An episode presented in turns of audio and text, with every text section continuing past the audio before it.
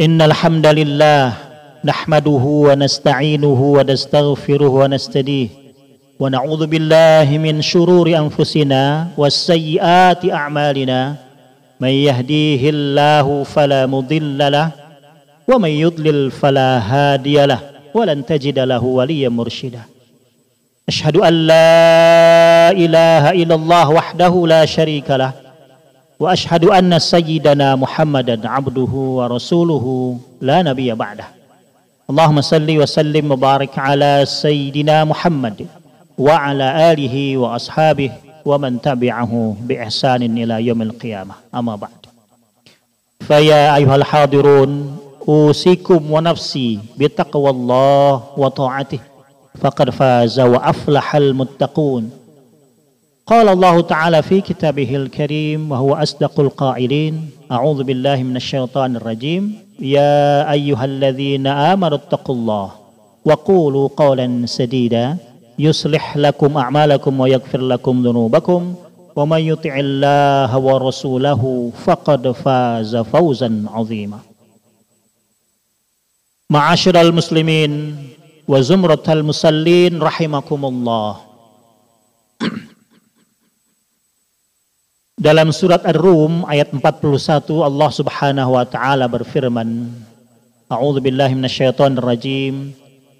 Zaharal fasadu fil barri wal bahri bima kasabat aydin nas. Liyudhiqahum ba'dalladzi amilu la'allahum yarji'un. Allah Subhanahu wa taala berfirman telah nampak kerusakan di daratan dan di lautan akibat ulah perbuatan manusia. Agar mereka merasakan sebagian dari akibat buruk yang telah mereka lakukan supaya mereka kembali kepada Allah Subhanahu wa taala. Ma'asyiral muslimin rahimakumullah. Kerusakan bencana alam silih berganti datang ke dunia ini, terutama di bumi Indonesia kita ini. Banjir, longsor, gempa bumi, bahkan virus, virus penyakit mulai berdatangan. Dan Allah memberikan isyarat yang tegas bahwa itu semua akibat ulah dari perbuatan manusia terkait dengan akibat ulah perbuatan manusia ini terklasifikasi menjadi dua. Yang pertama musibah atau bencana yang diundang dari sebab-sebab yang disebut dengan kauni. Dan yang kedua disebabkan oleh yang yang yang dikenal dengan kauli. Musibah yang terundang oleh sebab kauni ini terkait dengan karena manusia tidak mengelola sumber daya alam dengan ilmu. Tapi mereka mengelola sumber daya, sumber daya alam itu dengan pendekatan syahwati bukan dengan pendekatan ilmu. Sehingga terjadilah kerusakan di sana sini karena memang ada kesalahan manajemen. Mismanagement terhadap pengelolaan sumber daya alam. Banjir karena erosi di mana-mana. Kemudian ada sampah yang tidak mengalir karena penataan tata kota yang kurang baik. Atau segala kerusakan-kerusakan yang ada yang terjadi disebabkan karena memang ada kesalahan dalam mengelola sumber daya alam secara ilmu. Solusinya adalah kembali kepada ilmu. Sebab segala sesuatu Allah ciptakan dan segala sesuatu hendak di, hendaklah dilakukan dengan pendekatan ilmu, maka Allah akan janjikan kesuksesan. Maka solusinya adalah belajar dan rubah pendekatan pengelolaan sumber daya alam, sumber daya alam dengan ilmu bukan dengan syahwat. Kemudian kedua adalah dengan kauli, sebab munculnya musibah karena sebab-sebab kauli. Kauli sebab kauli adalah bencana datang karena pengabaian manusia, pembangkangan manusia terhadap perintah-perintah Allah yang tertulis, yang terucap dalam Quran Al-Karim dan sabda Rasulullah SAW dalam sunnah-sunnahnya. Nah sebab yang kedua inilah barangkali yang sering kali sulit mendapatkan solusi. Sulit mendapatkan makhraj atau jalan keluar untuk menghentikan bencana dan musibah. Kecuali hanya satu. Yaitu pendekatan taubat atau istighfar. Kita lihat bangsa-bangsa dahulu yang dibinasakan Allah Subhanahu wa taala. Itu semua tidak tolong dan tidak selamatkan semuanya hancur karena memang sebabnya kauli bukan kauni karena mereka lakukan pembangkangan mereka terhadap Quran dan Sunnah. Kedurhakan mereka kepada Allah dan Rasulnya. Dan ini tidak ada obat dan tidak bisa diselamatkan karena ini semua adalah azab Allah kepada mereka. Kedurhakan yang mereka lakukan yang terbesar itu adalah syirkun, kemusyrikan. Itu tingkat level dosa yang paling besar yang tidak pernah terampuni oleh Allah Subhanahu wa taala sampai akhir hidupnya ketika dia belum bertobat. Bagaimana Firaun dengan mengatakan ana rabbukumul a'la. Saya Tuhanmu yang paling tinggi di depan rakyatnya, di depan manusia. Inilah kesombongan kesyirikan yang maha besar karena dia sudah memposisikan dirinya sama dengan Allah Subhanahu wa taala. Begitu pula begitu pula yang lain. Penguasa-penguasa zaman dahulu kalau kita tarik sebab utamanya adalah karena mereka membangkang dan yang paling kuat pembangkangan mereka adalah mereka mengaku memposisikan dirinya seperti Allah Subhanahu wa taala. Maka tidak selamatkan kecuali dia kembali kepada Allah, dia bertobat kepada Allah Subhanahu wa taala, dia tinggalkan seluruh kemusyrikannya, kemaksiatannya, kedurhakaannya dan kembali istiqomah di jalan Allah Subhanahu wa taala. Presiden Cina belum lama ini dia mereka mengatakan bahwa negara Cina tidak pernah bisa dikalahkan. Karena negara superpower yang hebat modern abad ini. Tapi belum lama dia mengatakan begitu, Allah kirim tentara-tentara yang tidak kelihatan. Virus yang tidak terlihat oleh mata kepala kita. Tapi menggemparkan dunia. Bahkan WHO mengatakan darurat global virus corona. Langsung dengan tentara kecil, tentara yang tidak seberapa sebetulnya. Belum lagi tentara-tentara Allah yang lainnya. Bahkan seluruh semesta ini adalah tentara Allah walillahi junudus samawati wal ard milik Allah lah seluruh tentara di langit dan di bumi. Kalau Allah ingin membinasakan satu kaum yang durhaka sangat mudah bagi Allah sangat mudah. Maka jangan pernah membangkang jangan pernah sombong jangan pernah melakukan kesyirikan kemaksiatan kedurhakaan dari sekarang bertobat. Ingatkah kita ketika pada zaman Umar Ibn Khattab ketika saat itu terjadi gempa bumi? Maka Umar, langkah pertama yang Umar lakukan adalah bukan mengevakuasi korban. Bukan mengumpulkan akomodasi dan konsumsi. Tapi pertama kali yang beliau lakukan mengumpulkan seluruh aparatur negaranya dan rakyatnya. Kemudian dia berkata dengan kata yang sangat fenomenal. Apa yang dia katakan? Hai rakyatku. Dan apa yang telah kalian lakukan sehingga Allah menurunkan bencana kepada kita. Kata-kata itu yang pertama kali diucapkan. Sebab memang seluruh seluruh bencana musibah apa pun yang terjadi di alam semesta itu adalah semua atas kehendak Allah, atas izin Allah. Itu semua perbuatan Allah. Agar kita menyadari, agar kita semua kembali, agar kita betul-betul menginsyafi bahwa semua ini adalah kehendak Allah. Semua ini adalah berkat Allah, bukan berkat upaya manusia. Kita tidak bisa apa-apa. Makhluk ini lemah sangat lemah di hadapan Khalik yang maha dahsyat, yang maha kuat, yang maha kuasa. Allah ingin memperlihatkan kemahakuasaan. Maka dari itu, langkah pertama marilah bertobat, beristighfar. Apa pun musibah yang kita rasakan, musibah alam, bahkan kesedihan hati pun musibah. Depresi pun musibah, stres pun musibah. Apa pun kesulitan yang paling besar dari yang paling kecil adalah musibah yang harus kita sikapi dengan istighfar dan bertobat. Terus minta ampun, perbaiki ibadah kita kepada Allah Subhanahu wa taala. Ma'asyiral muslimin rahimakumullah. Pertanyaan selanjutnya adalah apa yang menyebabkan kemaksiatan dan kedurhakaan itu terjadi? Apalagi orang yang melakukannya tanpa pernah mau bertobat dan beristighfar kepada Allah. Dan terus menerus dia melakukan kemaksiatan, kedurhakaan, kesyirikan dan lain sebagainya. Semua itu bermuara pada satu hal. Yang Allah sebetulnya sudah tancapkan, sudah berikan ke dalam setiap manusia.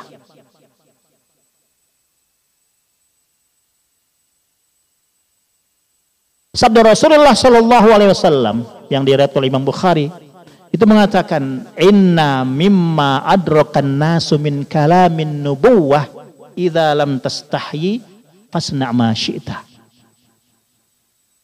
Inilah muara dari segala keburukan dan kemaksiatan. Rasulullah SAW bersabda sesungguhnya apa yang diketahui oleh manusia dari perkataan Nabi, dari perkataan yang sudah disepakati Nabi dari dulu sampai akhir adalah idza lam tastahyi fasna Kalau kamu tidak malu, punya tidak rasa tidak punya rasa malu maka berbuat sekehendakmu. Berbuatlah sekehendakmu. Ini perintah tapi bukan tujuan perintah. Perintah bermakna tahdid. Tahdid itu ancaman. Artinya, kalau kamu tidak punya rasa malu maka berbuatlah sekehendakmu tapi Pasti setiap perbuatan ada balasannya. Itulah tahdid, ancaman. Sebagaimana Allah sebutkan juga dalam Fussilat ayat 40. A'udzubillahi minasyaitonir rajim. I'mal ma syi'tum, i'malu ma syi'tum. Innahu bima ta'maluna basir. Berbuatlah sekehendak kamu kata Allah. Tapi ingat, sesungguhnya Allah Maha mengetahui, Maha melihat apa yang kalian lakukan. Itu tahdid, ancaman. Silakan. Kita bebas melakukan buruk, baik silakan. Tapi masing-masing ada balasan yang akan kita hadapi, kita dapatkan kelak di hari kiamat. Bahkan di dunia pun Allah segerakan. Faman ya'mal mithqala dzarratin khairan yarah. Wa may ya'mal mithqala yarah. Tidak pernah luput sekecil apa pun perbuatan buruk dan baik kita kecuali kita akan mendapatkan balasannya nanti kelak di akhirat. Ma'asyiral muslimin rahimakumullah. Ternyata dari hadis ini kita tahu bahwa sumber segala kemaksiatan adalah karena terputusnya urat malu dalam hati manusia, dalam diri manusia. Rasulullah mengisyaratkan dengan tegas kalau orang yang tidak punya rasa malu mal pasti dia akan berbuat semaunya. Makna yang pertama adalah tahdid ancaman, makna yang kedua adalah khobar informasi. Artinya bahwa hadis ini bermakna bahwa kalau orang yang tidak punya rasa malu, tidak punya sifat malu, maka pasti dia akan berbuat semaunya. Dia tidak mengindahkan norma-norma, dia tidak mengindahkan hukum-hukum, adab-adab atau akhlak-akhlak yang ada dalam agama. Pasti dia melakukan apa saja dan tidak tahu malu. Ma'asyiral muslimin rahimakumullah. Orang yang tidak punya rasa malu kepada Allah, itu dia akan santai, dia akan senang, dia akan sangat mudah mendapatkan rizki menghasilkan rezeki dari dari cara-cara yang dimurkai Allah Subhanahu wa taala. Dia akan sangat tidak merasa bersalah. Dia akan sangat senang dan santai sekali lagi ketika dia menghasilkan dari hasil usahanya yang bertentangan dengan syariat Allah yang Allah murkai. Mencuri, mengambil riba, korupsi, dia tidak merasa bersalah. Dia tidak merasa itu salah. Padahal itu bertentangan dengan syariat Allah. Dan Allah melihat, Allah menciptakan dia. Dia tidak punya rasa malu kepada Allah yang sudah menciptakan dia. Dia tidak mengindahkan semua Allah. Dia abaikan semua perintah Allah. Dia tidak punya malu dia di hadapan Allah Subhanahu wa taala. Korupsi yang sudah begitu hebat di Indonesia, rupanya memang kita kita uh, tengah terjadi azmatul haya krisis rasa malu di Indonesia ini sehingga satu belum beres maka muncul muncul si, uh, apa korupsi-korupsi yang lainnya. Belum beres satu, muncul yang lain. Terus seolah-olah tidak pernah mau berhenti. Ma'asyiral muslimin rahimakumullah naudzubillah. Orang yang tidak punya rasa malu kepada Allah ketika suara azan menggema, ketika suara azan dilantunkan, itu artinya Allah ingin kita mendekatkan, ingin ingin kita dekat kepadanya. Allah sayang kepadanya. Tapi ketika azan dilantunkan, maka orang yang tidak punya rasa malu, dia tidak abaikan suara itu. Dia cuek terhadap suara itu, suara azan. Takkan dia, memberi rizki dia, melindungi dia, menyehatkan dia, dan seluruhnya Allah yang menanggung, menjamin kehidupan dia dari dunia sampai ke akhirat. Tapi tidak pernah diperhatikan. Diabaikan semua, dicuekkan semua perintah Allah dan panggilan Allah. Padahal ketika Allah memanggil Allah sebetulnya tidak punya kebutuhan kepada kita. Allah tidak butuh kepada kita. Tapi sebetulnya Allah ingin supaya kita disadarkan bahwa hidup kita perlu bantuan Allah. Kita yang butuh kepada Allah. Maka Allah dengan serasa kasih dan sayang serta rahmatnya. Allah mengingatkan kita. Hayo. Berapa menit kembali. Kita laksanakan sholat. Hayya alas sholat itu adalah hak kita, kewajiban kita kepada Allah.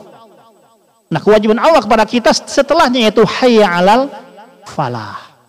Itu jawaban dan itu subhanallah. Tidak ada yang pernah pemberian yang lebih hebat dari al-falah yang Allah berikan setiap saat, setiap waktu sholat.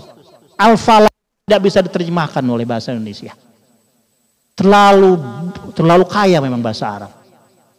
Al-falah itu sekumpulan semua kenikmatan kenikmatan hidup dari dunia sampai ke akhirat. Kebahagiaan, ketenangan, kekayaan, kesehatan, kesejahteraan, keleluasaan, kenikmatan semua ada di Al-Falah. Sebetulnya Allah ingin memberikan kita Al-Falah dengan memanggil setiap saat lima waktu khusus. Tapi kita tidak pernah sadar selama ini. Kita tidak sama Allah. Padahal sebetulnya Allah tidak butuh kita. Kita yang butuh Allah. Tapi kita tidak pernah malu. Dan terus kita sibuk mengurus dunia. Kita hanyut dalam kesibukan-kesibukan bisnis yang ada juntrungannya di dunia ini. Tidak punya rasa malu kepada Allah subhanahu wa ta'ala. Ma'asyiral muslimin rahimakumullah. Marilah kita beriktibar kepada Nabi kita yang mulia kepada nenek moyang Nabi pertama kali yaitu Nabi Adam alaihissalam. Ka'ab radhiyallahu anhu mengisahkan meriwayatkan bahwa Rasulullah shallallahu alaihi wasallam pernah bersabda. Kata Rasulullah Nabi Adam itu postur tinggi badannya setinggi pohon kurma katanya. Yang buahnya tidak bisa dipetik oleh orang yang memetik. Berarti pohon kurma yang paling tinggi. Rambutnya tebal Kemudian Rasulullah SAW melanjutkan ketika setelah terjadi peristiwa yang dialami oleh Nabi Adam dan Hawa yaitu melanggar perintah Allah ketika tidak boleh mendekati satu pohon. Yang iblis menamakannya khuldi. Padahal pohon itu tidak punya nama. Tapi iblis menamakan khuldi. Karena khuldi itu artinya kekal. Karena khuldi inilah uh, rayuan bujukan iblis kepada Adam ketika Allah melarang untuk mendekati pohon ini. Tapi karena iblis dengki kepada Adam iblis menginginkan agar Adam durhaka kepada Allah maka ditipulah dengan kata-kata khuldi. Hai Adam dekati pohon ini makan buahnya kalau engkau makan buah ini kamu akan khuld kekal di dalam surga dan tidak pernah keluar lagi maka Adam tertipu akhirnya dimakan maka terjadilah uh, kedurhakaan Pembang, uh, kepada Allah Subhanahu wa taala. Ketika setelah terjadi peristiwa ini kata Rasulullah SAW, maka Adam berlari, ya, ma mohon maaf, auratnya terbuka. Pakaiannya lepas, terlucut, maka auratnya terbuka. Maka seketika Adam berlari kata Rasulullah SAW, berlari kencang. Maka di, ketika dia berlari, ke, kepala disambar salah satu pohon yang ada dalam surga. Sehingga Adam terhentak, terhenti, dan Adam marah kepada pohon itu dengan mengatakan lepaskan kepalaku maka pohon tadi berkata aku tidak akan pernah melepaskan kepalamu Maka Allah berfirman kepada Adam alaihissalam, Hai Adam, kata Allah, apakah kamu lari dariku katanya? Maka Adam berkata, Ya Allah, aku malu kepadamu ya Allah. Aku malu telah melanggar perintahmu ya Allah. Itulah Bapak kita sudah mengajarkan dan sudah menampilkan contoh orang yang malu dan berbuat durhaka kepada Allah Subhanahu wa taala. Maka ketika itu Allah berfirman, kata Allah sesungguhnya orang-orang yang beriman itu dia akan malu atas dosa yang dia lakukan. Maka ciri orang yang beriman adalah ketika dia melakukan dosa, maka dia segera malu kepada Allah, dia segera mohon ampun kepada Allah Subhanahu wa taala.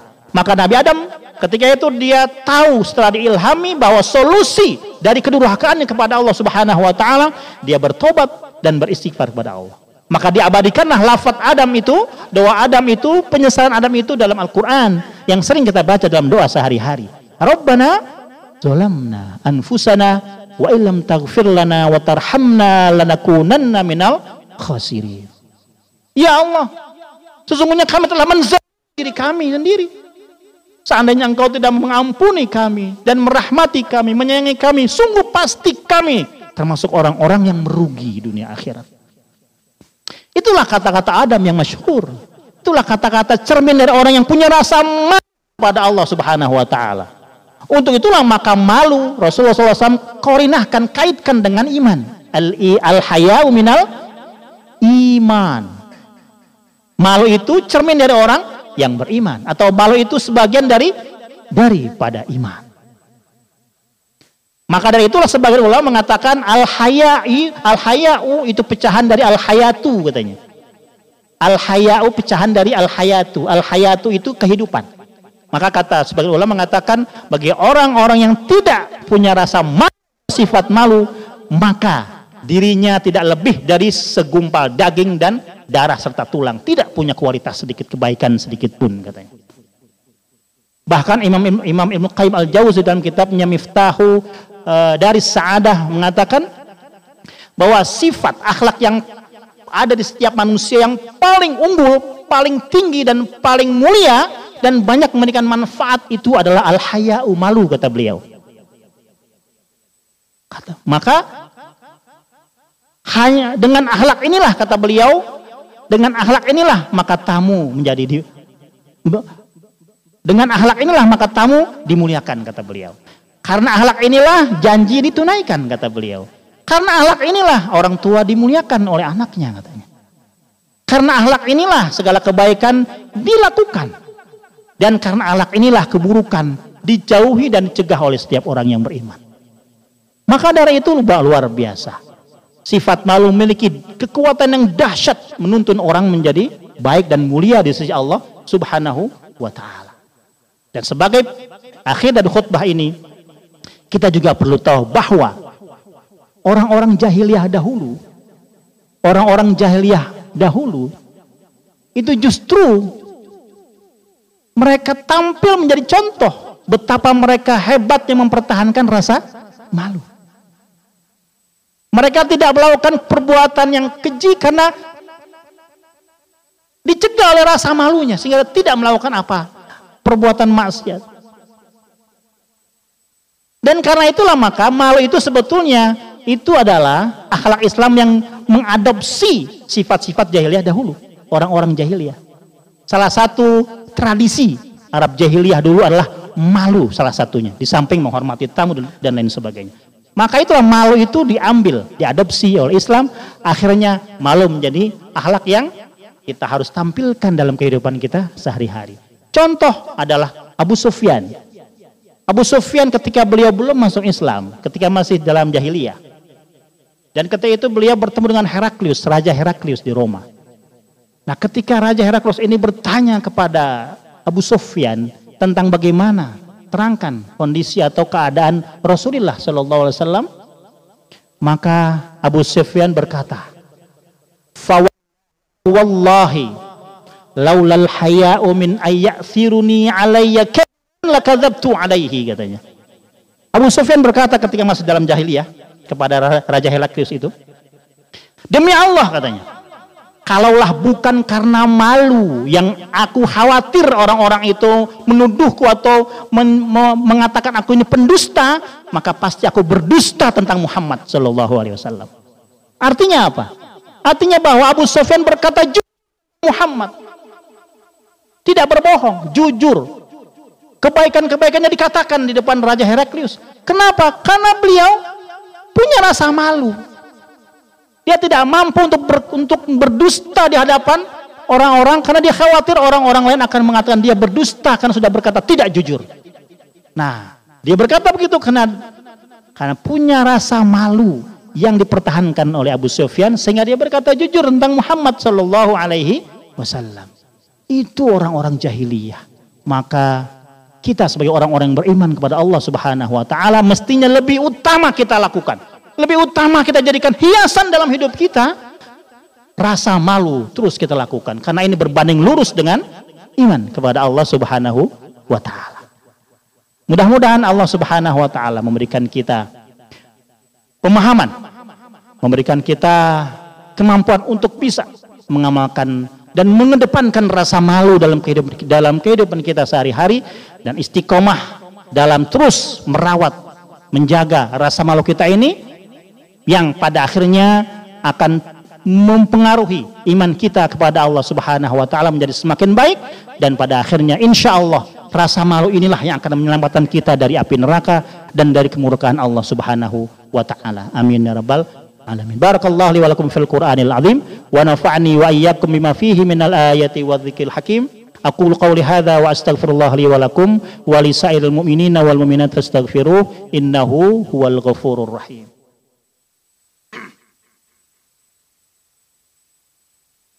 الحمد لله الذي هدانا لهذا وما كنا لنهتدي لولا أن هدانا الله أشهد أن لا إله إلا الله وحده لا شريك له wa ashhadu anna sayyidana Muhammadan abduhu wa rasuluhu la nabiyya ba'dah.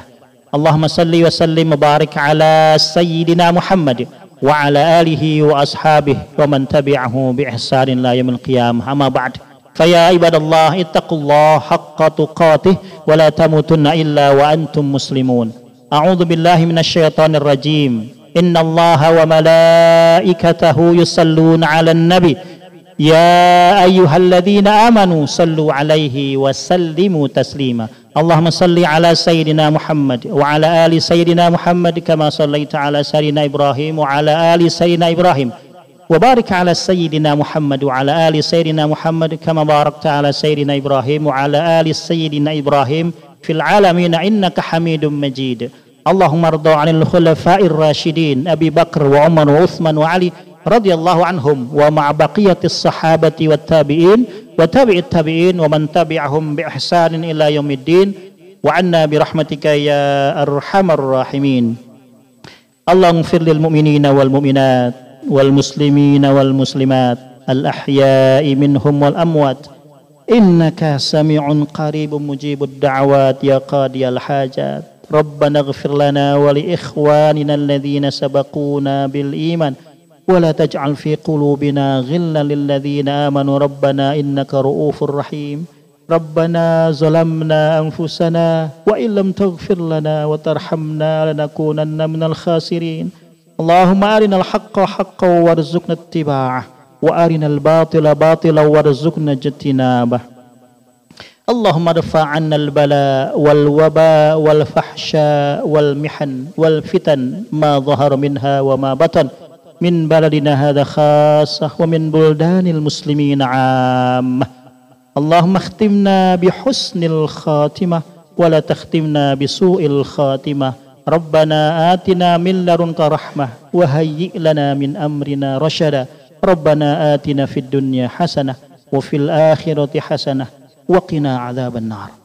عباد الله إن الله يأمر بالعدل والإحسان وإيتاء ذي القربى وينهى عن الفحشاء والمنكر والبغي يعظكم لعلكم تذكرون فاذكروا الله يذكركم واشكروه على نعمه يزدكم فاسألوه من فضله يؤتكم ولذكر الله أكبر. قيموا الصلاة.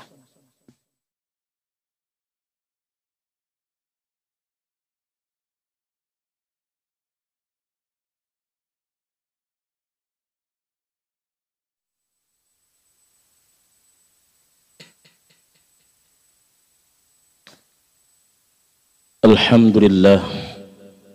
Alhamdulillahilladzi ja'alat taqwa libasas salihin. Fatazawwadu bit-ta'ati wa qamu ala aqdamihim muntazirin as-sa'ah. Khassahum min ibadih. Wasmahum ladidal khitab wa waqahum lil muhatab lil muhafazati alal jumu'ati wal jamaah. Ahmaduhu subhanahu wa ta'ala hamdan ahli zuhdi wal qanaah أشهد أن لا إله إلا الله وحده لا شريك له وأشهد أن محمدا عبده ورسوله الذي ظهرت مؤجزاته في الحمل والرضاعة قال الله تعالى في آياته الكريم أعوذ بالله من الشيطان الرجيم بسم الله الرحمن الرحيم يا أيها الذين آمنوا ادخلوا في السلم كافةً ولا تتبعوا خطوات الشيطان إنه لكم عدو مبين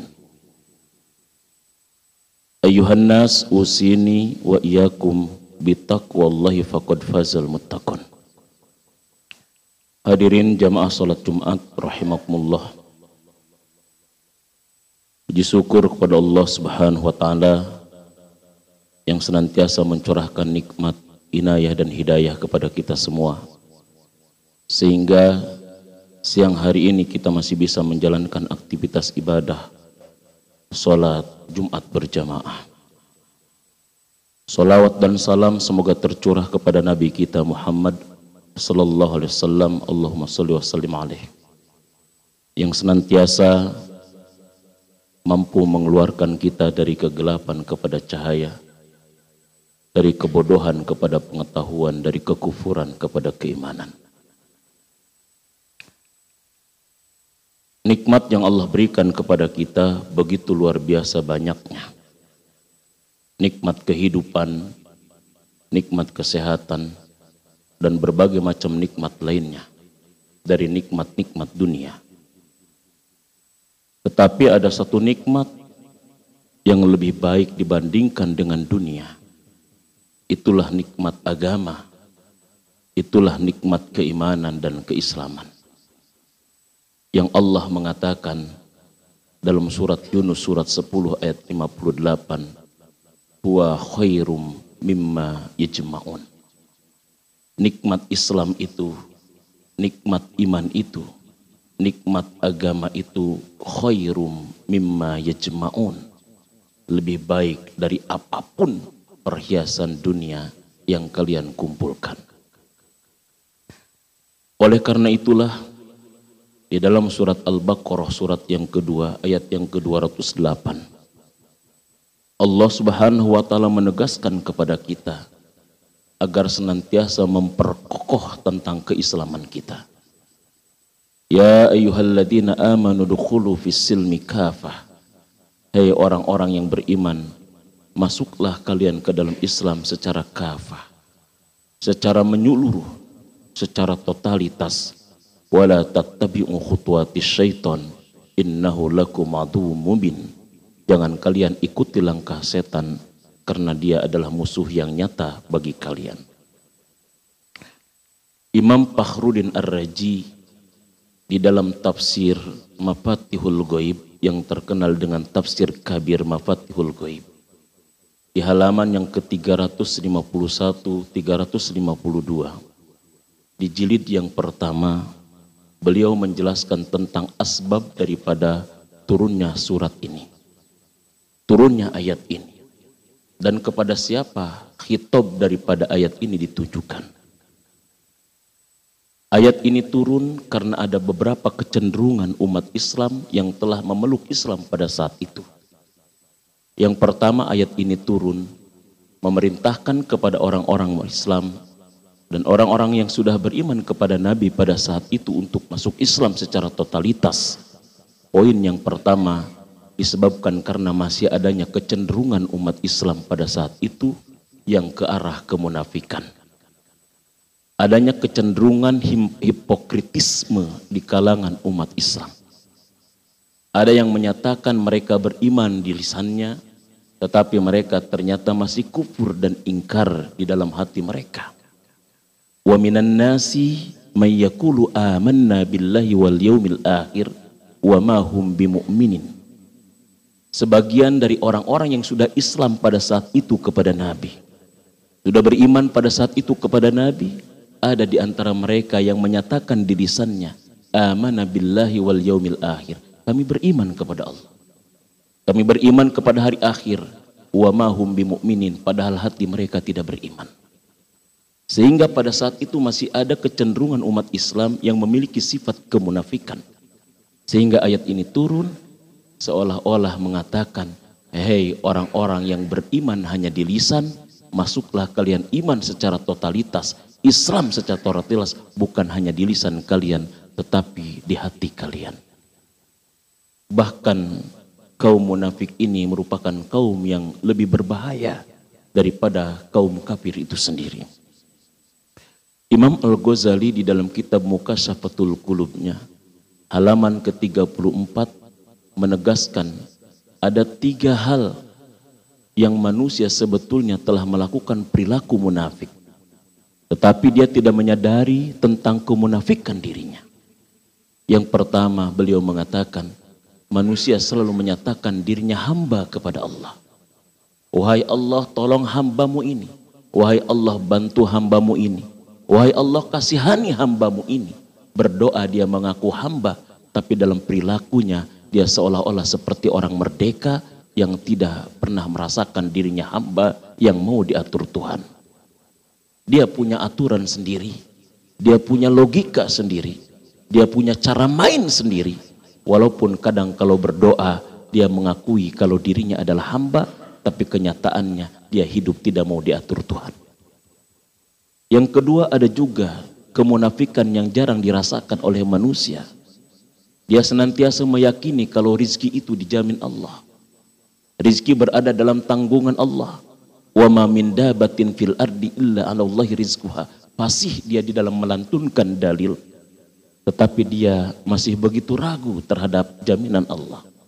Bahkan dia kadang mau mengambil rizki orang lain.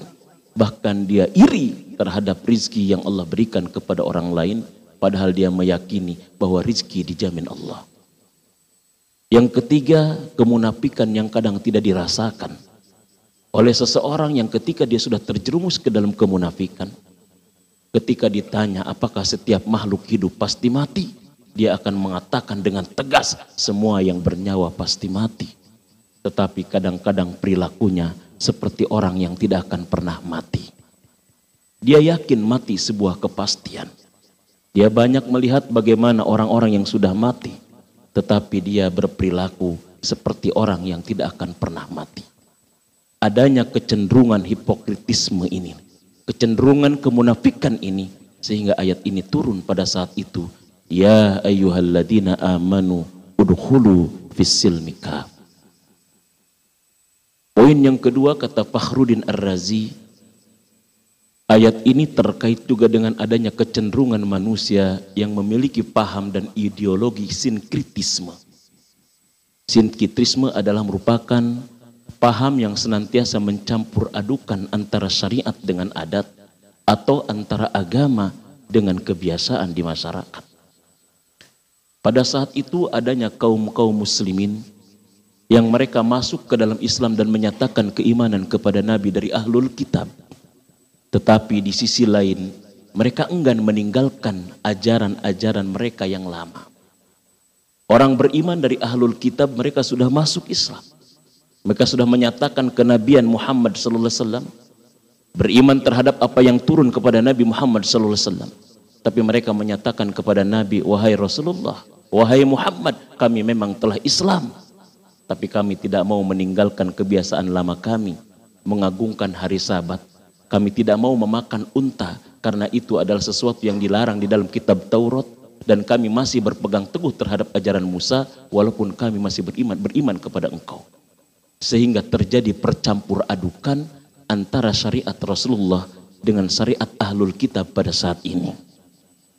Yang kalau kita pelajari di dalam ilmu tafsir, kita pernah mengenal istilah Israiliyat. Ada paham-paham Israiliyat yang masuk ke dalam paham-paham di dalam tafsir kita. Inilah sinkritisme, percampur adukan antara budaya, antara tradisi dengan syariat. Bahkan kita lihat saat ini kadang-kadang tradisi lebih dominan. Kadang-kadang budaya begitu dominan dibandingkan dengan syariat itu sendiri. Baik dalam berbagai macam walimah yang kita lakukan. Pernikahan dalam Islam adalah merupakan perkara yang sederhana, tidak merepotkan kedua belah pihak, tapi terkadang budaya, tradisi yang memikir yang menyebabkan kadang-kadang anak muda berpikir berkali-kali untuk menikah. Sehingga ayat ini pun turun kepada mereka, hei orang yang masih mencampur adukan antara tradisi dan syariat, udhulu pisil mikafah, masuklah kalian ke dalam Islam secara kafah dan totalitas. Yang ketiga, ayat ini pun terkait adanya kecenderungan manusia pada saat itu yang senantiasa masih menganut paham ritualisme.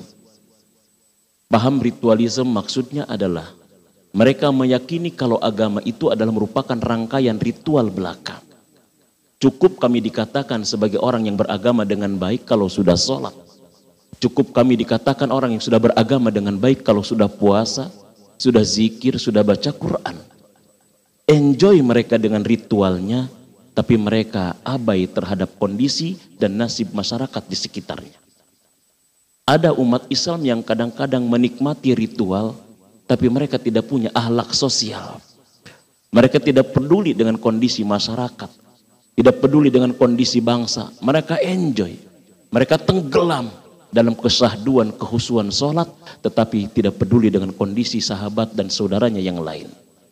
Bahkan dalam sebuah hadis Nabi mengatakan, malam yahtam bi amril muslimin falaysa minhum. Siapa yang tidak peduli terhadap urusan kaum muslimin maka mereka bukan bagian dari kaum muslimin itu. Islam bukan hanya agama yang mengajarkan kita untuk senantiasa melakukan ritualisme tapi kita pun abai terhadap masalah-masalah sosial lainnya orang Islam khusyuk dia di masjid tapi dia pun senantiasa paling terdepan di dalam membantu masalah orang Islam yang lain Orang Islam adalah orang yang senantiasa dia khusyuk ketika sholat, tapi dia pun tidak enak ketika melihat tetangga, saudara yang punya masalah dan mengalami musibah. Kita kadang-kadang sekarang saat ini diarahkan untuk menjadi Islam yang ritualis. Kita diarahkan untuk senantiasa sholat, untuk senantiasa puasa, tetapi ketika kita peduli dengan permasalahan umat, Ketika kita peduli dengan permasalahan bangsa, maka kita pun tidak sedikit kadang-kadang mengalami cemoohan, nyinyir, dan bully dari kelompok lainnya. Seolah-olah Islam adalah agama sholat, agama puasa, agama zikir. Tapi Islam adalah agama yang tidak boleh terlibat ke dalam urusan ekonomi, sosial, bahkan politik umat Islam lainnya. Inilah kadang-kadang adanya kelompok Islam yang ritualisme. Cukup berislam ketika dia sudah melaksanakan ibadah ritual. Dan yang keempat, ayat ini pun turun terkait adanya kelompok sekulerisme. Kelompok-kelompok yang mau memisahkan antara agama dengan kehidupan dunia. Bahkan akhir-akhir ini kita digemparkan oleh pernyataan seorang pejabat negara yang dia menyatakan bahwa musuh terbesar Pancasila adalah agama, padahal dasar di sila pertama ketuhanan yang Maha Esa. Kita nggak tahu ini zaman apa dan fitnah apa lagi yang akan terjadi kepada kita. Kita tahu saat ini berbagai macam media, baik sosial, media elektronik maupun media yang lain, mengabarkan kepada kita bagaimana gemparnya warga Cina yang saat ini sedang diserang dengan virus kecil yang tidak berbentuk yang bernama corona yang sudah menewaskan ribuan orang. Bahkan konon para dokter pun sudah mulai stres karena di antara mereka pun ada yang tidak selamat dari virus ini dan mereka pun memikirkan tentang bagaimana kondisi keluarga mereka dan mereka dalam kondisi kebingungan senjata boleh canggih teknologi bogeh luar biasa, ekonomi mereka raksasa, ternyata itu tidak berfungsi sama sekali dalam menangani tentara Allah yang kecil itu. Karena mereka adalah masyarakat yang mayoritas tidak bertuhan. Mayoritas tidak beragama. Maka mereka bingung kira-kira kekuatan apa yang mampu mengeluarkan mereka dari masalah itu. Bagi orang yang tidak beragama, mereka bingung ketika kekuatan duniawi. Akal mereka, ekonomi mereka, teknologi mereka, senjata mereka tidak mampu untuk menyelesaikan masalah hidup mereka. Mereka bingung ke mana mereka untuk minta tolong. Dan ujung-ujungnya mereka mengalami depresi yang sangat akut. Bahkan tidak sedikit di antara mereka yang mengakhiri hidup dengan cara-cara yang tragis dan tidak berperi kemanusiaan. Apalagi berperi yang dinilai baik dalam sisi agama. Tetapi bagi orang yang beragama, bagi orang yang meyakini tentang adanya kekuatan di luar daripada kekuatan manusia, yaitu kekuatan Allah Subhanahu wa taala. Ketika akal kita tak mampu, kemampuan diri kita sudah tidak berdaya, maka kita menyatakan la haula wala quwata illa billah. Apakah kita yang mayoritas muslim pada saat ini ingin merubah kondisi masyarakat kita yang religius dengan masyarakat sekuler yang tidak pernah melibatkan agama dalam kehidupan kita. Tidak pernah melibatkan agama dalam politik, tidak melibatkan agama dalam ekonomi, tidak melibatkan agama dalam masalah hukum. Ketika hukum tidak ada agama, maka hukum akan tebang pilih dan jauh dari keadilan.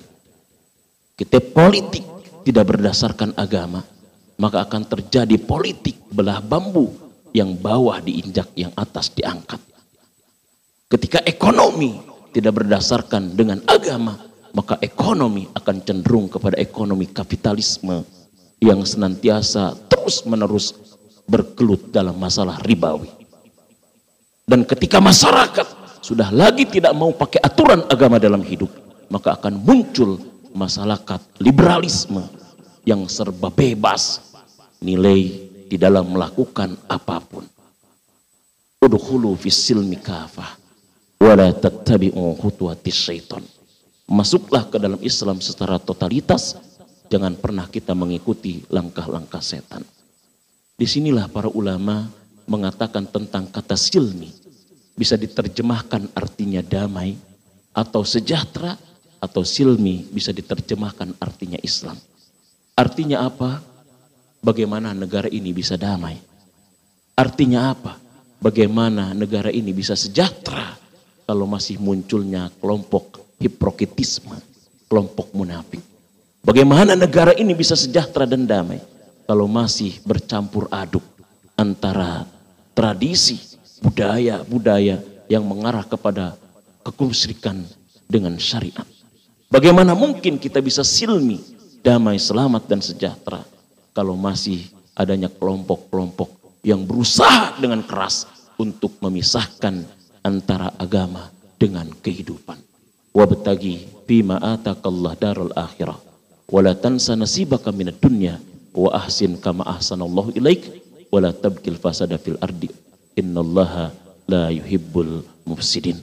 Mudah-mudahan Islam kita hari ke hari semakin mantap, semakin kuat, dan akhirnya kita mampu menjalankan ajaran agama kita secara totalitas dalam kehidupan kita. Barakallahu li wa lakum fil Qur'anil azim wa nafa'ni wa iyyakum bima fihi minal ayati wa dzikril hakim. Aku qouli hadza fastaghfiruh innahu huwal ghafurur rahim. Alhamdulillah. Alhamdulillahilladzi arsala rasulahu bil huda wa dinil haqq. Liyuzhirahu ala dini kulli walau karihal musyrikun. Asyhadu an la ilaha illallah wahdahu la syarikalah wa asyhadu anna muhammadan abduhu wa rasuluh la nabiyya ba'da Allahumma basalli wa sallim ala nabiyyina muhammadin wa ala alihi wa ashabi ajma'in. Amma ba'du. Faya ayuhan nas ittaqullaha haqqa tuqatih wa la tamutunna illa wa antum muslimun. Qala Allah Ta'ala fi ayatil karim A'udhu billahi minasyaitonir rajim. Inna Allah wa malaikatahu yusalluna ala nabi. Ya ayyuhalladzina amanu sallu alaihi wa sallimu taslima. Allahumma salli ala Sayyidina Muhammadin wa ala alihi wa ashabi ajmain. Warhamna wa iyahum birahmatika ya arhamar rahimin. Amin ya rabbal alamin. Allahumma gfir lil mu'minina wal mu'minat wal muslimina wal muslimat al ahya'i minhum wal amwat. Innaka sami'un qaribun mujibud da'wat wa yaqadiyal hajat. Allahumma a'izzal islam wal muslimin wa ahlikil kafarata wal musyrikin. Waj'al wilayatana mimman akhaka wa taqak. Allahumma agnina bil ilmi wa zaina bil hilmi wa akrimna bit taqwa wa jamilna bil afiyah. Rabbana zalamna anfusana wa illam taghfir lana wa tarhamna lanakunanna minal khasirin.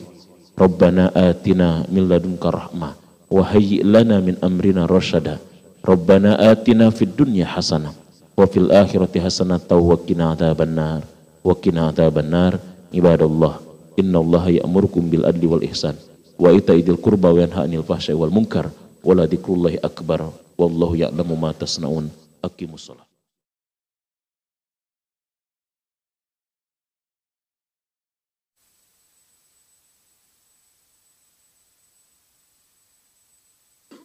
الحمد لله الذي أنزل السكينة في قلوب المؤمنين ليزدادوا إيمانا مع إيمانهم أشهد أن لا إله إلا الله رب العالمين وأشهد أن محمدا عبده ورسوله صادق الوعد الأمين اللهم صل على حبيبنا وشفيعنا ومولانا محمد وعلى آله وصحبه أجمعين أما بعد فيا عباد الله أوصيكم وإياي بتقوى الله وطاعته لعلكم تفلحون.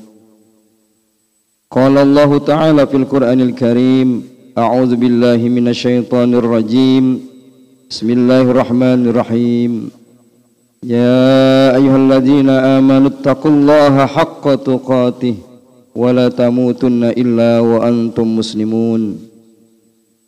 وقال تعالى يا أيها الذين آمنوا اتقوا الله وقولوا قولا سديدا يصلح لكم أعمالكم ويغفر لكم ذنوبكم ومن يطع الله ورسوله فقد فاز فوزا عظيما صدق الله العظيم Ma'asyiral muslimin jamaah Jumat rahimakumullah Tidak henti-hentinya kita memanjatkan puji dan syukur kepada Allah Subhanahu wa taala atas kenikmatan-kenikmatan yang telah diberikan kepada kita nikmat iman, nikmat Islam, taufik dan hidayahnya sehingga dengan nikmat-nikmat tersebut pada hari ini kita bisa hadir kembali di tempat yang mulia ini untuk memenuhi salah satu kewajiban kita kepada Allah yaitu salat Jumat berjamaah.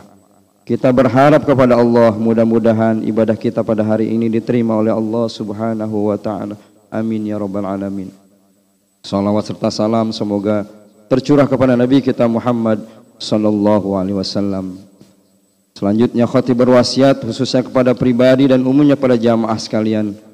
Marilah dalam kesempatan yang mulia ini kita berupaya serta berusaha untuk meningkatkan keimanan serta ketakwaan kita kepada Allah dengan sebenar-benar takwa kepadanya, menjalankan semua perintah-perintahnya dan menjauhi semua yang dilarangnya. Ma'asal muslimin rahimakumullah. Di dalam kehidupan sehari-hari mungkin kita sering melihat manusia terbagi kepada kedua kelompok. Ada orang yang taat, ada orang yang durhaka. Ada orang yang kafir, ada pula orang yang beriman. Ada orang yang baik, ada juga orang yang buruk. Begitulah sifat manusia satu sama lain terjadi perbedaan seperti itu.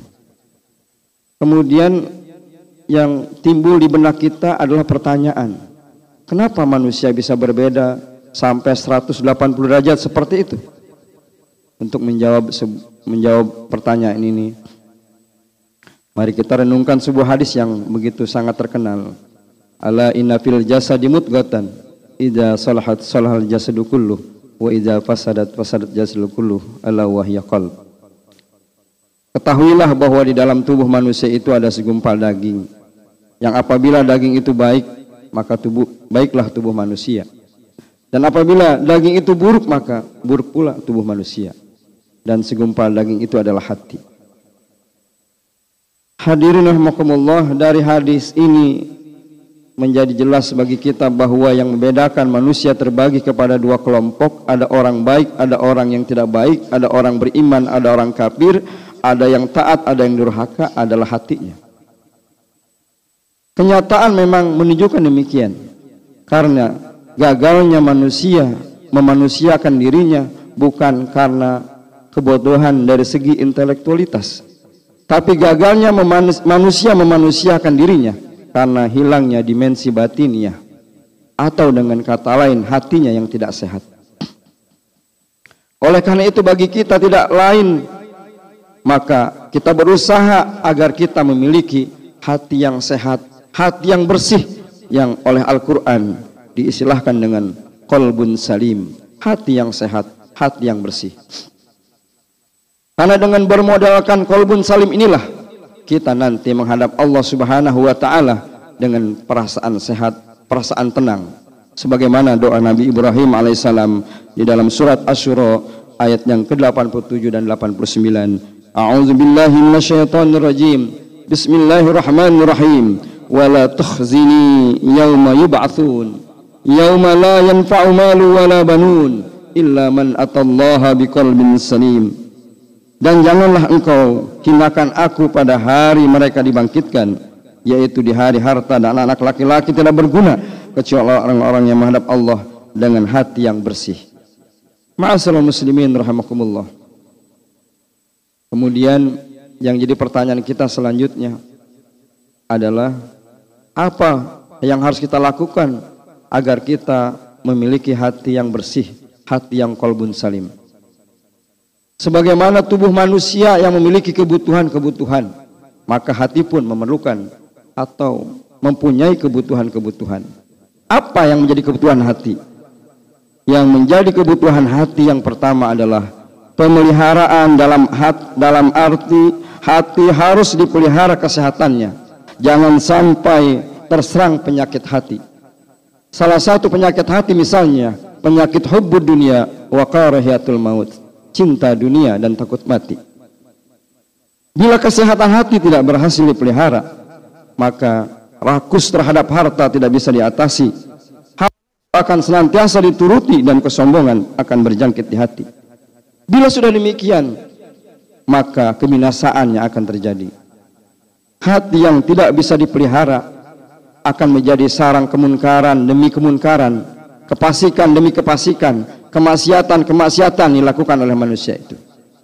Oleh karena itu, hati yang tidak sehat akan senantiasa menjerumuskan manusia ke lembah kenistaan dan akan menjerumuskan manusia jauh dari kehidupan yang Islam dan jauh dari kehidupan sesuai dengan tuntunan Allah Subhanahu wa taala dan Rasulullah sallallahu alaihi wasallam. Tapi apabila hati bisa dipelihara maka dia akan menjadi sarang kebaikan-kebaikan. Demi kebaikan demi kebaikan akan senantiasa dimunculkan dalam hatinya. Hanya ada cahaya-cahaya ilahi dan tidak ada sedikit pun tempat untuk cahaya yang bersifat hewani. Dan orang-orang yang memiliki hati ini nanti akan dipanggil oleh Allah Subhanahu wa taala dengan sebutan orang yang punya hati yang tenang orang yang mendapatkan ridho Allah Subhanahu wa taala Allah dan orang yang akan mendapatkan surganya Allah Subhanahu wa taala. Ya ayyatuhan nafsul mutmainnah irji'i ila rabbiki radiyatan mardiyah fadkhuli fi ibadi wadkhuli jannati. Ma'asyiral muslimin rahimakumullah.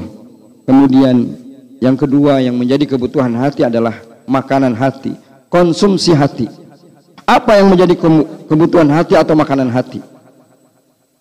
yang menjadi makanan hati salah satunya adalah zikir kepada Allah Subhanahu wa taala. Zikir bil lisan, zikir bil arkan, dengan ucapan maupun dengan perbuatan. Lidahnya senantiasa dibasahi dengan zikir sebanyak-banyaknya zikir. Inilah perintah Allah Subhanahu wa taala, ya ayyuhalladzina amanu dzikran katsira wasabbihuhu bukratan wa asila. Kita diperintahkan oleh Allah untuk berzikir dengan sebanyak-banyaknya kepada Allah Subhanahu wa taala baik di waktu pagi, siang dan malam kita berzikir kepada Allah Subhanahu wa taala. Senantiasa kita mengucapkan kalimat-kalimat thayyibah ketika kita akan melakukan dan suatu pekerjaan dan menyelesaikan suatu pekerjaan. Semua kita zikir kepada Allah Subhanahu wa taala. Kata Nabi kita Muhammad sallallahu alaihi wasallam, orang yang berzikir dengan yang tidak berzikir seperti orang yang mati dan orang yang hidup. Masalul ladzi yadhkuru rabbahu wal ladzi la yadhkuru masalul hayy wal mayit. Perumpamaan orang yang senantiasa berzikir kepada Allah dan orang yang tidak pernah berzikir kepada Allah sebagaimana manusia yang mati dan manusia yang hidup. Ma'asyiral muslimin rahimakumullah. Kemudian apalagi yang menjadi makanan hati? Yang menjadi makanan hati adalah menumbuhkan rasa syukur kepada Allah Subhanahu wa taala atas kenikmatan-kenikmatan yang telah diberikan oleh Allah kepada kita. Ketika kita menumbuhkan rasa syukur kepada Allah, maka Allah sudah menjanjikan bahwa nikmat-nikmat itu akan ditambah oleh Allah Subhanahu wa taala. Tapi bila mana kita kupur atas segala kenikmatan yang telah kita terima dari Allah Subhanahu wa taala, maka Allah telah menyiapkan azab yang teramat pedih. Wa itta'adzana rabbukum la in syakartum la azidannakum wa la in kafartum inna azabi lasyadid. Inilah janji Allah kepada kita apabila kita bersyukur maka Allah akan menambah kenikmatan-kenikmatan tersebut. Tapi ketika kita kufur kepada Allah maka Allah telah menyiapkan azab yang sangat pedih. Kemudian apa lagi yang menjadi makanan hati? Yang menjadi makanan hati adalah menumbuhkan girah semangat beribadah kepada Allah Subhanahu wa taala. Ketika Allah memanggil melalui panggilannya, maka kita segera meninggalkan kegiatan-kegiatan kita yang bersifat dunia dan memenuhi panggilan Allah Subhanahu wa taala. Kita laksanakan dengan penuh keusuhan, kita laksanakan dengan penuh keikhlasan semata-mata mencari ridho Allah Subhanahu wa taala. Ma'asyiral muslimin rahimakumullah. Kemudian yang ketiga, yang menjadi kebutuhan hati adalah pengobatan bila dalam hati tersebut terdapat penyakit. Lalu caranya bagaimana mendeteksi bahwa hati manusia itu mempunyai penyakit? Apabila manusia memiliki kecenderungan yang sangat tinggi untuk melakukan kemaksiatan dan kepasikan dan dia betul-betul memenuhi kecenderungan tersebut, maka ini gambaran dari sebuah hati yang sakit. Oleh karena itu, apabila kita sudah memiliki hati yang sakit seperti ini, maka penyembuhannya bisa dilakukan dengan berbagai cara. Yang pertama adalah bertobat kepada Allah Subhanahu wa taala. Bilisan kita beristighfar kepada Allah Subhanahu wa taala dengan segala perbuatan yang telah kita lakukan, perbuatan dosa yang kita lakukan. Dan bil arkan dengan perbuatan kita dengan taubat nasuha tidak akan melakukan perbuatan-perbuatan yang dilarang tersebut. Innallaha yuhibbut tawwabina wa yuhibbul mutatahhirin. Sungguhnya Allah menyukai orang-orang cinta kepada orang-orang yang bertobat, cinta kepada orang-orang yang membersihkan dirinya. Kemudian yang kedua yang kita lakukan adalah menumbuhkan perasaan senang, perasaan cinta bila kita melakukan hal-hal yang benar dan merasa hina bila kita melakukan hal-hal yang salah sebagaimana doa yang dianjurkan kepada kita doa ini senantiasa dibaca oleh jamaah haji atau jamaah umroh yang melakukan tawaf di putaran kedua dan sa'i di perjalanan yang kelima dari Sofa ke Marwah. Allahumma habib ilainal iman wa jainhu fi wa karih ilainal kufra wal fusuqa wal isyan wa minar rasidin. Kita minta dianugerahkan kepada Allah agar ditumbuhkan rasa cinta terhadap iman agar dihiasi hati kita dengan iman kepada Allah Subhanahu wa taala dan agar hati kita itu merasa benci, merasa hina bila melakukan kemaksiatan-kemaksiatan dan dosa kepada Allah Subhanahu wa taala.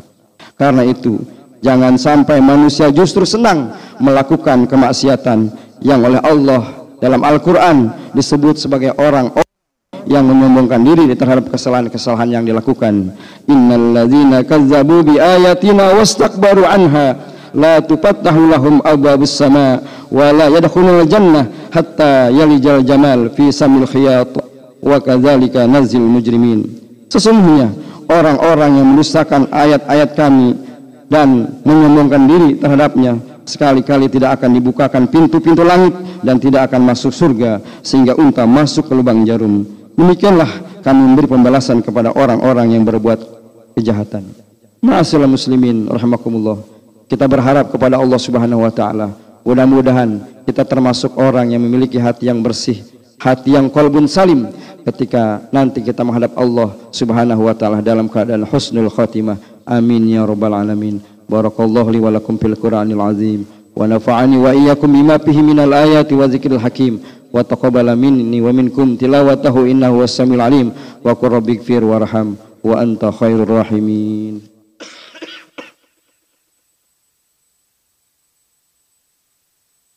الحمد لله أمرنا بالاتحاد والإعتصام بحبل المتين.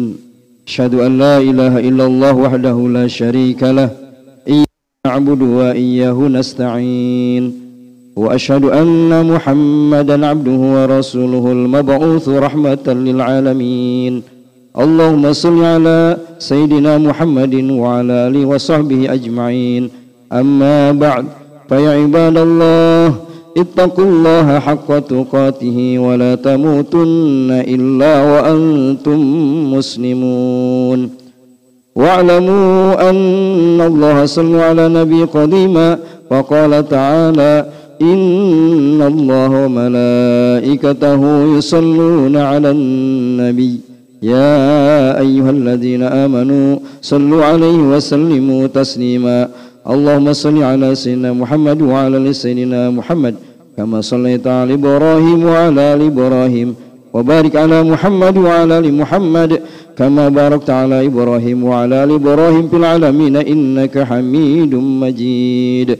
اللهم اغفر المسلمين والمسلمات والمؤمنين والمؤمنات الأحياء منهم والأموات إنك سميع قريب مجيب دعوات ويا قاضي الحاجات ويا كافي المحمات برحمتك يا أرحم الراحمين اللهم حبب إلينا الإيمان وجينه في قلوبنا وكره إلينا الكفر والفسوق والعصيان واجعلنا من الراشدين ربنا هب لنا من أزواجنا وذرياتنا قرة عين واجعلنا للمتقين إماما تقبل منا إنك أنت السميع العليم وتب علينا إنك أنت التواب الرحيم ربنا آتنا في الدنيا حسنة وفي الآخرة حسنة وقنا عذاب النار عباد الله إن الله يأمر بالعدل والإحسان وإيتاء ذي القربى وينهى عن الفحشاء والمنكر والبغي يعظكم لعلكم تذكرون ولذكر الله أكبر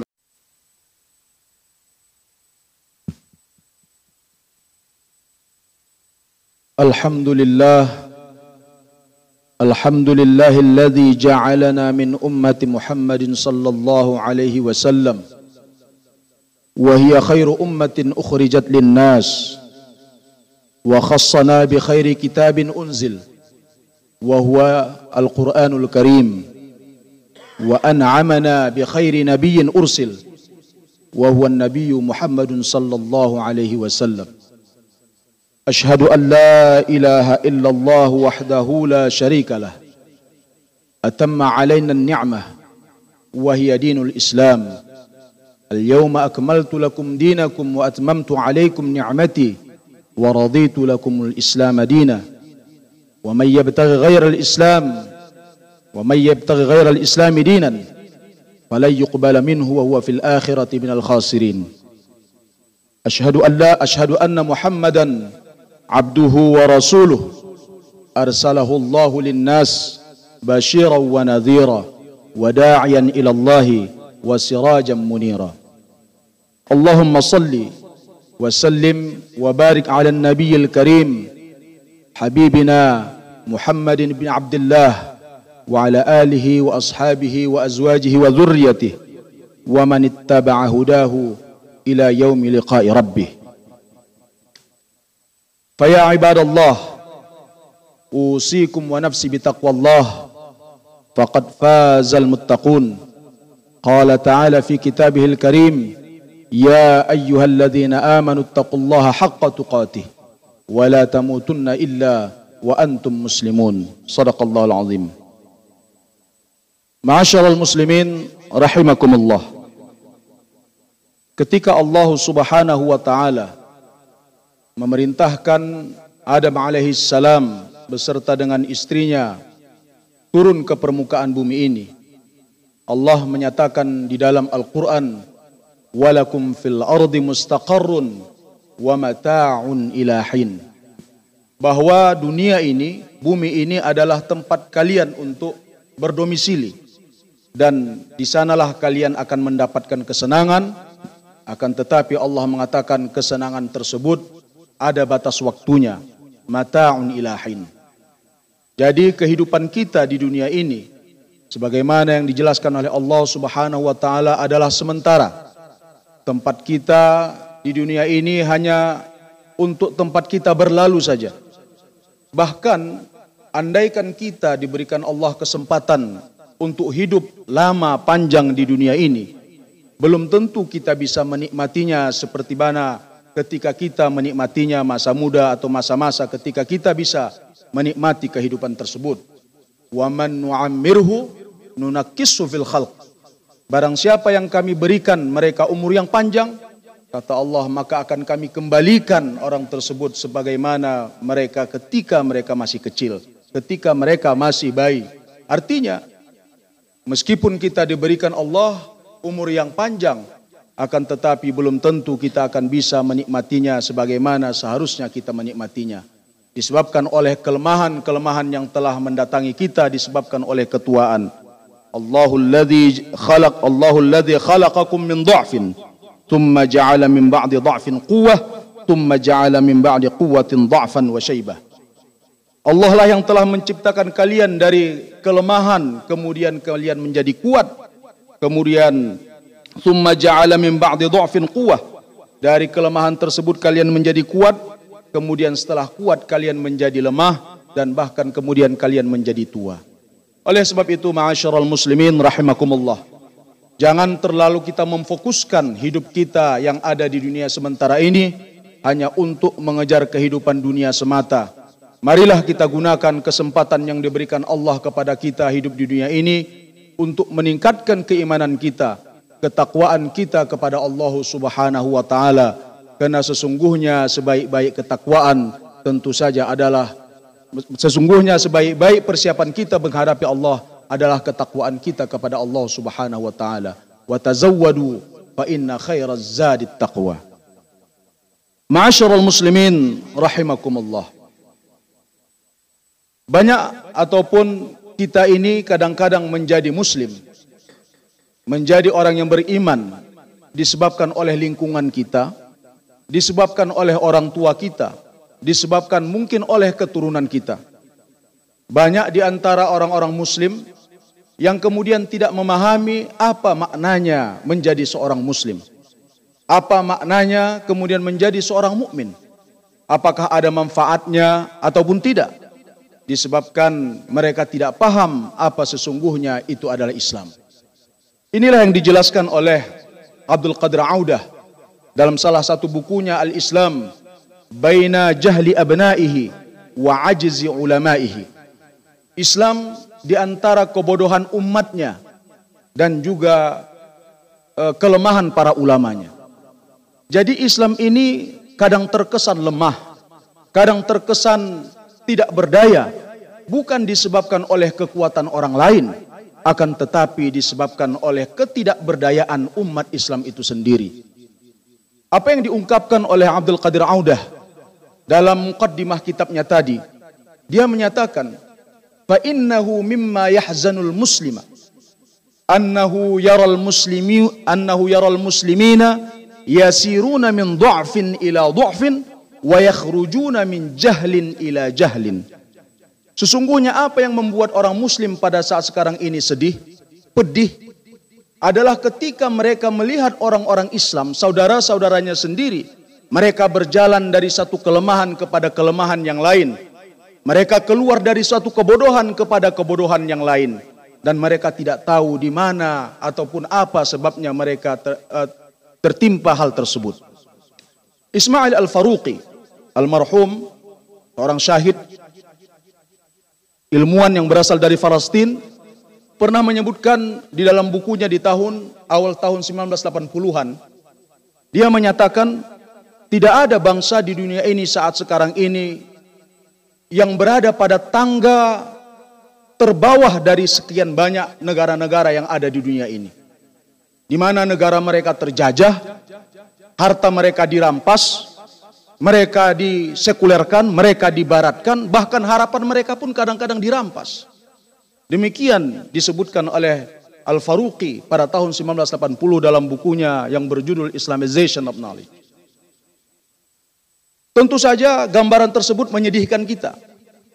Gambaran tersebut membuat kita sedih disebabkan Allah menyatakan di dalam Al-Quran bahwa umat ini adalah khair ummah. Bahwa umat ini adalah sebaik-baik umat. Akan tetapi kenyataannya yang kita lihat sekarang ini. Kita lihat ke timur ataupun ke barat. Umat Islam ini berada pada dalam tekanan. Berada pada posisi yang tidak menyenangkan. Dalam dua tiga hari ini saja kita disedihkan dengan apa yang menimpa saudara kita di India Rumah-rumah mereka dibakar, bahkan mereka kemudian ada yang meninggal sampai diberitakan 23 dan seterusnya. Belum lagi kita selesai dengan berita yang terjadi pada saudara kita yang ada di Xinjiang. Kita juga belum selesai dengan masalah Palestina. Sepertinya umat ini terus dirundung malang dari satu derita ke derita lain, ke satu derita ke derita lain. Bahkan bukan hanya di negara-negara yang mereka minoritas, di negara di mana umat Islam juga mayoritas, kadang kesan-kesan penindasan tersebut juga kita rasakan. Pertanyaannya apa yang salah kalau demikian ma'asyarul muslimin rahimakumullah. Kita harus kembali menanyakan kepada diri kita kembali. Karena Allah subhanahu wa ta'ala di dalam Al-Quran telah menjelaskan kepada kita.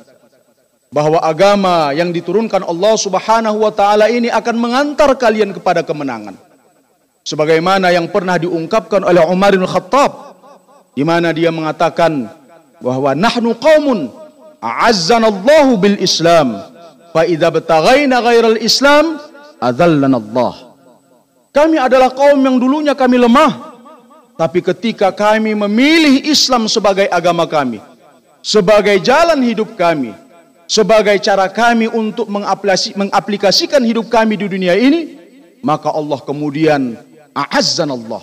Kemudian Allah mengangkat derajat kami. Allah kemudian memuliakan kami, menjadikan kami terhormat di antara bangsa-bangsa yang ada di dunia. Maka apabila kami cari Islam sebagai agama, kami cari selain Islam sebagai agama kami, maka Allah Subhanahu wa taala akan membuat kami terhina, akan membuat kami turun daripada derajat kami. Nah ini ma'asyiral muslimin rahimakumullah yang seharusnya kita ingat kembali tentang keberislaman kita. Apakah kita berislam dengan penuh sadar, dengan penuh mengetahui apa makna kita menjadi seorang mukmin, menjadi seorang muslim. Hadirin rahimakumullah. Kita bersyukur karena Allah telah melahirkan, telah menciptakan kita dari keluarga mukmin, keluarga muslim sehingga kita menjadi mukmin. Dan itu yang membuat kita kemudian menjadi terhormat, menjadi makhluk yang terbaik karena Allah menyebutkan di dalam Al-Quran Innal ladhina amanu wa amilus salihat Ulaika hum khairul bariyah. Sungguhnya orang beriman Mereka melakukan amal salih Itulah sebaik-baik makhluk kata Allah subhanahu wa ta'ala.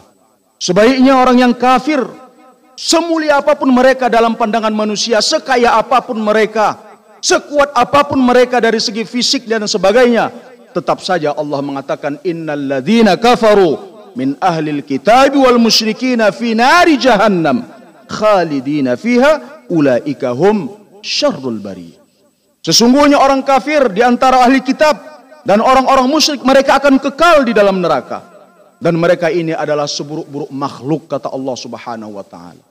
Oleh sebab itu masyarul muslimin rahimakumullah, mari kita pelihara iman kita. Mari kita pelihara keberislaman kita. Karena dengan itulah insya Allah kita akan mulia di dunia ini dan juga di akhirat. Karena tanpa keimanan tidak ada nilainya kita di hadapan Allah subhanahu wa ta'ala. Oleh sebab itu ma'asyarul muslimin rahimakumullah. Pertanyaan selanjutnya kalau begitu apa yang terjadi kepada umat? Apa yang terjadi kepada kaum muslimin pada saat sekarang ini? Kalau kita lihat ada fenomena yang paradoks. Hadirin rahimakumullah. Satu sisi tadi kita katakan bahwa umat Islam ini sepertinya hidupnya tertekan di mana-mana. Akan tetapi ada fenomena yang menarik bahwa jumlah kuantitas umat Islam di dunia ini nyatanya tambah ber, terus bertambah. Bahkan diprediksi pada tahun 2060 untuk pertama kalinya umat Islam ini akan menjadi umat yang mayoritas mengalahkan umat Katolik dan juga umat uh, uh, Protestan dan umat-umat yang lain. Nah ini fenomena yang menarik. Karena satu sisi tadi dikatakan bahwa ada tekanan-tekanan yang dihadapi oleh umat Islam, akan tetapi satu sisi yang lain kita melihat ada pertambahan dari segi jumlah. Nah hadirin rahimakumullah, pertambahan tentu saja membuat kita senang. Akan tetapi kalau penambahan jumlah saja tidak memberikan kita manfaat dari segi kualitas, maka tidak ada sama sekali manfaat daripada jumlah yang disebutkan tadi. Mungkin ini yang disebutkan oleh Rasulullah sallallahu alaihi wasallam dalam salah sebuah hadisnya di mana dia mengatakan nanti kalian akan banyak antum kathir kalian banyak. Walakinnakum ghusaun ka ghusais sail. Tapi kalian bagaikan buih di pinggir lautan yang tidak ada harganya kapan saja kalian dihabisi dibantai oleh ombak kalian akan hilang begitu saja. Nah hadirin rahimakumullah. Di sinilah kemudian kita harus memahami kembali makna daripada kita berislam, makna daripada kita menjadi seorang mukmin. Allah Subhanahu wa taala menjelaskan kepada kita bahwa ketika kalian ingin mendapatkan kemenangan, ingin menjadi terhormat, ingin menjadi bangsa masyarakat yang bisa memimpin dunia, maka Allah mensyaratkan kepada kita adalah keimanan yang kuat kepada Allah Subhanahu wa taala. Allah menyatakan di dalam firman-Nya, inna lanansuru rusulana walladzina amanu fil hayatid dunya wa yauma yaqumul ashhad. Sesungguhnya kami kata Allah Subhanahu wa taala pasti akan menolong para rasul kami dan pasti akan menolong orang-orang yang beriman. Kapan Allah Allah tolong mereka? Allah akan memberikan pertolongan fil hayatid dunya. Di dalam kehidupan dunia ini bukan hanya di kehidupan dunia ini bahkan Allah menyatakan wa yauma yaqumul ashhad. Nanti ketika kita memberikan kesaksian di yaumil mahsyar Allah juga akan menolong kita. Oleh sebab itu, masyarul muslimin rahimakumullah. Ketika kita ingin mencari kemenangan, marilah kita cari kemenangan itu pada Allah Subhanahu wa taala. Bukan kemenangan itu kita cari dari sumber yang lain. Karena banyak kadang-kadang di antara umat ini, bahkan mereka-mereka yang terdidik, mereka merasa terhormat, mereka merasa akan dihargai, ketika mereka mendapatkan harga penghormatan itu dari kelompok-kelompok lain. Mereka akan dianggap sebagai orang yang toleran, diberikan kemudian hadiah, diberikan award. Mereka kemudian merasa mulia. Akhirnya kadang-kadang orang-orang tersebut mau saja mengorbankan agama mereka. Mau saja mereka mengorbankan harga diri mereka. Bahkan memutar ayat-ayat Allah. Memutar firman-firman Allah, hukum-hukum Allah. Demi untuk mendapat penghargaan dari orang lain. Makanya Allah kemudian mencela orang-orang tersebut. Allah mengatakan ayabtaguna indahumul izzah. Apakah kalian mendapatkan ingin mendapatkan izzah dari mereka? Dari orang-orang kafir? Kemudian Allah mengatakan fa innal izzata lillahi jami'a. Sesungguhnya izzah itu adalah miliknya Allah Subhanahu wa taala. Maka Allah mengatakan wa man kana izzah falillahi izzatu jami'a. Maka barang siapa yang ingin penghormatan, Barang siapa yang ingin kemenangan, barang siapa yang ingin memiliki kekuatan, maka sesungguhnya izzah itu adalah milik Allah Subhanahu wa taala. Maka oleh sebab itu ma'asyiral muslimin rahimakumullah. Jangan sempat terpikir kepada kita bahwa kita ini bisa menang, kita ini bisa berjaya, kita bisa terhormat itu dengan mencari jalan selain pada jalan Islam. Karena dengan Islamlah kita akan menang dan itu telah dibuktikan. Para sahabat, para tabi'in, para imam kita mereka bisa sampai ke Andalus, mereka bahkan sampai bisa ke Cina, mereka bisa sampai ke Afrika. Disebabkan oleh apa? Disebabkan oleh agama Islam ini. Ada satu negara Islam pun yang maju karena mereka menerapkan konsep-konsep barat, konsep-konsep liberal, konsep-konsep sekuler. Carilah negara-negara yang ada di dunia ini setelah kita dijajah kemudian merdeka, kemudian negara-negara tersebut menerapkan konsep ekonomi barat, konsep ekonomi yang mereka ambil dari pikiran-pikiran yang sesungguhnya tidak ada sumbernya sama sekali. Mereka tidak ada yang maju. Apakah itu Saudi, apakah Irak, apakah itu negara, sebutkan saja negaranya. Tidak ada yang pernah maju. Tapi Islam dengan konsepnya, mereka pernah maju bahkan menapakkan kejayaannya sampai ke Andalusia. Sampai di benua Eropa. Disebabkan oleh apa? Karena mereka menerapkan nilai-nilai Islam tadi. Nah ini ma'asyiral muslimin rahimakumullah seharusnya kembali membangkitkan kepercayaan kita kepada agama kita. Karena yang hilang sekarang dari umat ini adalah kepercayaan mereka terhadap agama mereka sendiri. Sehingga kadang-kadang ada yang sangkingkan tidak percayanya kepada agamanya. Ada bahkan yang ingin merubah salamnya saja dengan salam Pancasila. Yang sesungguhnya tidak ada disebutkan oleh bahkan para pendiri Pancasila tersebut. Ketika mereka merumuskan Pancasila, Kiai Haji Wahid Hashim, bahkan Soekarno sendiri pun mungkin, Muhammad Yamin dan seterusnya, mereka tidak pernah mengatakan kita harus menghapuskan salam assalamualaikum dan seterusnya. Kemudian digantikan dengan salam yang namanya salam Pancasila yang kemudian didengungkan oleh seorang profesor Kiai saat sekarang ini. Ini disebabkan oleh apa ma'asyiral muslimin rahimakumullah.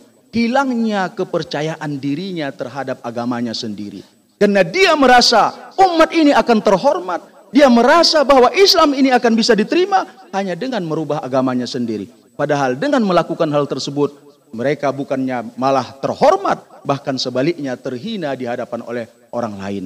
Masyarul muslimin rahimakumullah. Mudah-mudahan ini bisa menjadi peringatan kepada diri saya sendiri dan kepada kita semua kita kembali mengakui, mempercayai dengan seteguh hati memberikan confidence kepada diri kita bahwa dengan Islamlah kita insya Allah akan berjaya di dunia dan di akhirat dan tentu saja dengan pertolongan Allah Subhanahu wa taala. بارك الله لي ولكم في القرآن العظيم ونفعني وإياكم بما فيه من الآيات والذكر الحكيم.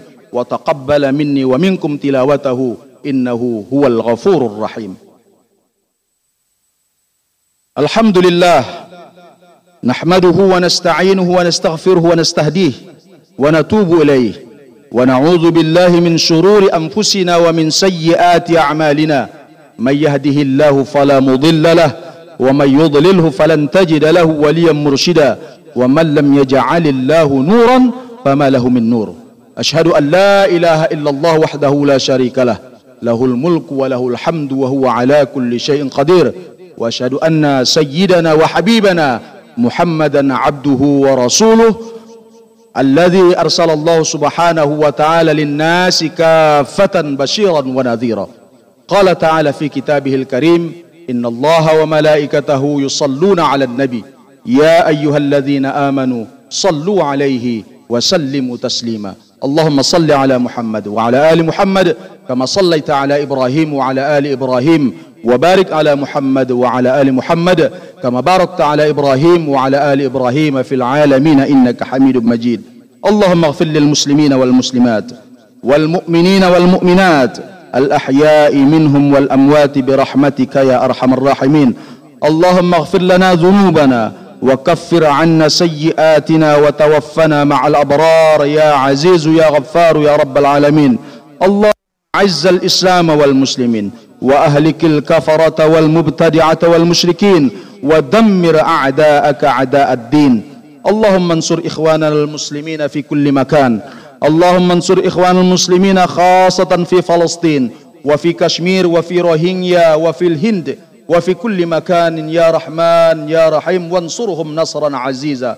ربنا لا تزغ قلوبنا بعد إذ هديتنا وهب لنا من لدنك رحمة إنك أنت الوهاب. ربنا ولا تحملنا ما لا طاقة لنا به. واعف عنا واغفر لنا وارحمنا أنت مولانا فانصرنا على القوم الكافرين. ربنا آتنا في الدنيا حسنة وفي الآخرة حسنة وقنا عذاب النار. عباد الله إن الله يأمر بالعدل والإحسان وإيتاء ذي القربى وينهى عن الفحشاء والمنكر والبغي يعظكم لعلكم تذكرون ولذكر الله أكبر والله يعلم ما تصنعون. أقيموا الصلاة.